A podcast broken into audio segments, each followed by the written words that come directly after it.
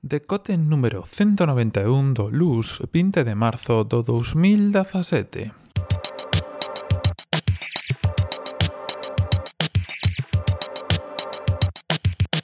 Bos días e benvidos a esta nova edición do Decote, nesta edición número 191 que estamos achecando xa perigosamente os 200 capítulos do Decote. Imos falar un pouco de Rocket League, non sei se, bueno, moitos de vos ou algúns de vos ou un par de vos. Seguidesme por Twitter e onde estive falando un pouco estive falando, petardeando, eh, colgando un par de tonterías de Rocket League.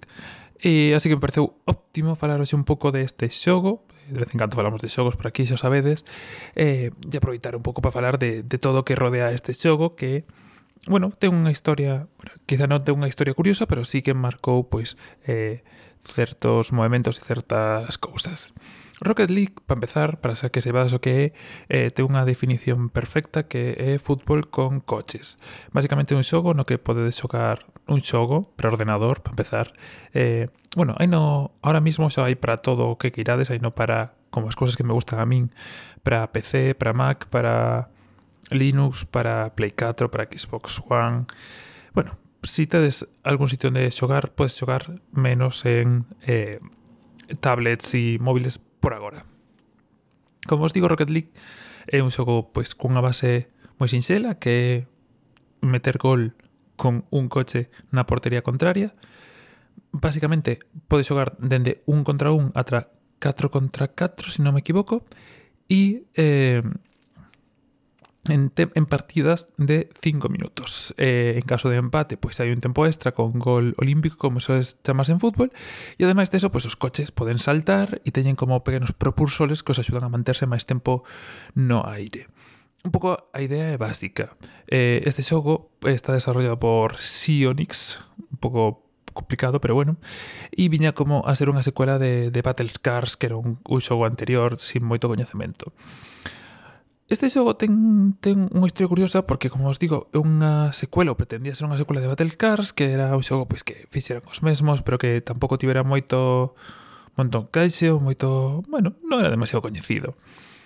E eh, con esta secuela, el tema da Rocket League, pois intentaron cambiar un pouco este aspecto e fixeron algunhas cousas como sacar unha beta para que a xente pudese aprobalo, fixeron moito movimento que ahora xa é normal, pero naquela época hai que pensar 2014, 2013 cando este xogo está en desenvolvemento ainda que saiu finalmente en, en 2015 en, en xullo dos, en febreiro xullo febreiro, non me acordo ahora de 2015 eh, en principio só para Windows eh, pois eh, repartiron moito xogo por YouTube, para estas cosas que ahora son normais, que por aquel entonces, en que este ao lado, pois non era tanto.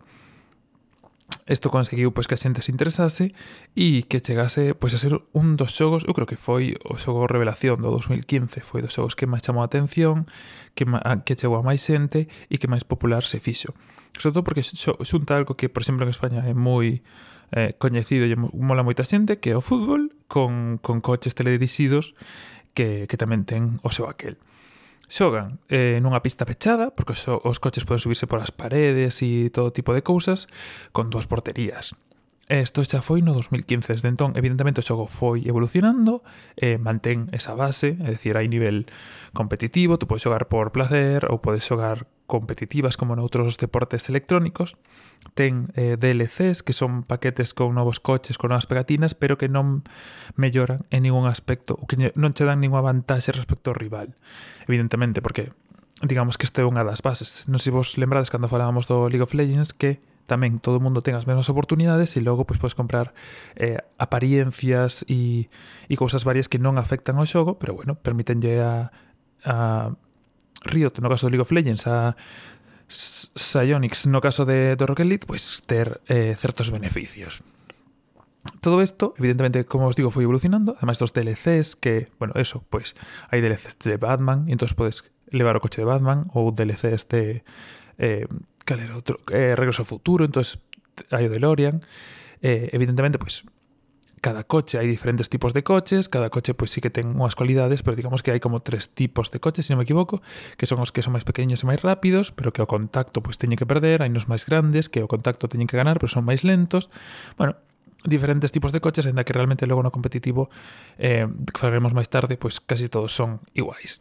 Ademais desto, ademais de evolución propia dos DLCs, de ir incluindo melloras que, bueno, están ben, están graciosas, eh, tamén eh, se foron incluindo novos modos de xogo. O principio, como os digo, era moi básico, eh, dende un contra un ata 4 contra 4 eh, nunha pista pechada e eh, as pistas, pues, digamos, sí que teñen temáticas diferentes hai nas de pistas de fútbol tradicional pistas tipo deserto, onde en vez de haber erva pois pues, hai como area e estás rodeados como de edificios en ruínas que están fora da pista, pero bueno, dalle ambientación ao sitio, e foron mellorando cousas con, por exemplo, eh, baloncesto. entonces hai canastas un poquinho altas porque senón sería imposible metelas e eh, xogas 3 contra 3 a meter nese aro ou hockey. Entón, en vez de ter unha pelota de fútbol, lo que tes é unha pastilla de hockey e tes que meter na outra portería.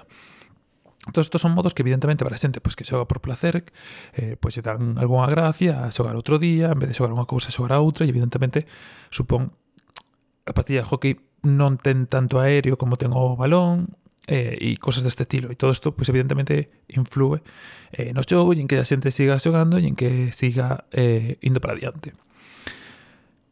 Todo isto, en 2015 puxo un gran boom, mogollón de xente coñeceu o xogo e empezou a xogar, mogollón de xente lle molou o xogo, eh, eu mesmo xoguei as miñas oriñas, teño xente, que teño colegas que teñen aí metidas 600, 700, 700 horas no xogo, que son auténticos profesionais, e eh, evidentemente levou a que eh, empezasen a ver cousas máis profesionais.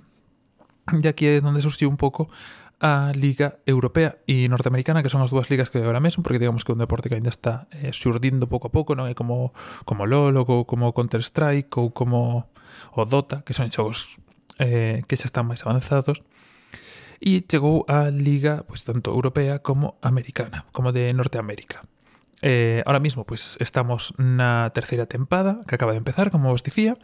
Ten unha curiosidade desta tempada que é a primeira que eh, retransmiten en castelán a xente da LVP, da Liga de Videoxogos Profesionais, que onte era a primeira vez que estaban con eso.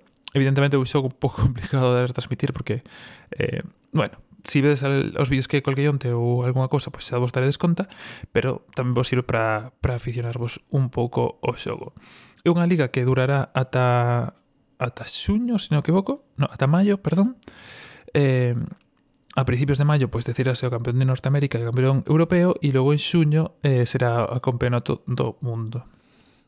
É bastante divertido velo porque sobre todo se si, si vos acionades a, ou empezás a xogar este xogo que costa 20 euros, que decir, tampouco é nada do outro mundo e que podes xogar con teclado con, con ratón ou con mando se si estás en consola. Eu creo que o precio moi similar en, en todas as plataformas.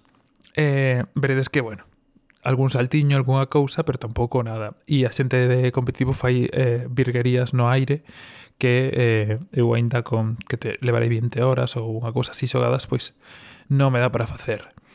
Eh, ademais de eso, pois nada, que se queredes que llevotedes un ollo, a competición eh, na LVP, como os digo, os domingos. Eu farei algún retweet de alguna cosa para que lle botedes un ollo. E que se si vos mola xego, pois que lle dedes un tiento, que provedes. Non sei se sigue tendo versión de prueba, pero bueno, es bastante interesante, bastante divertido e como sempre, se me queres agregar en alguna en Steam, que é onde xogo eu e, e probar alguna cousiña, pois que, que o fagades. E nada máis, outro xogo máis que está bastante ben, que é bastante divertido, que é asequible, que son 20 euros para moitas horas de xogo. Os DLCs eh, por si, eu que sei, pois molou que mercar o, o coche de Batman ou o de DeLorean de, de Regreso ao Futuro creo que son como un euro o euro y veinte, o sea, nada. Y eh, está bastante bien tanto tutorial como el resto de cosas para aprender un poco a, a moverse co coche. Porque bueno, de principio pois eh, costa un pouco collerlle, collerlle o tino a todo.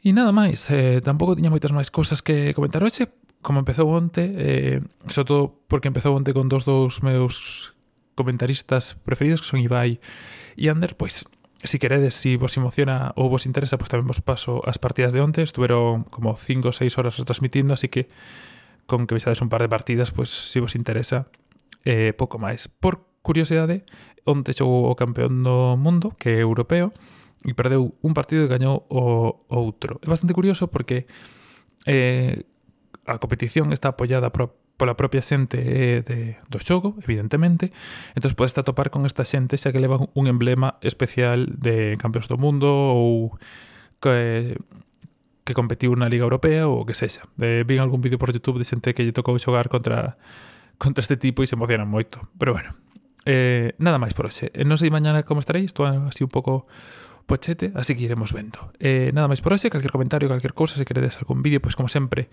eh, enlaces tanto ao xogo como á página web da competición en podcast.org.net E nada máis, se queres comentarme tamén te salir os enlaces ás miñas redes sociais e formas de contacto habituais.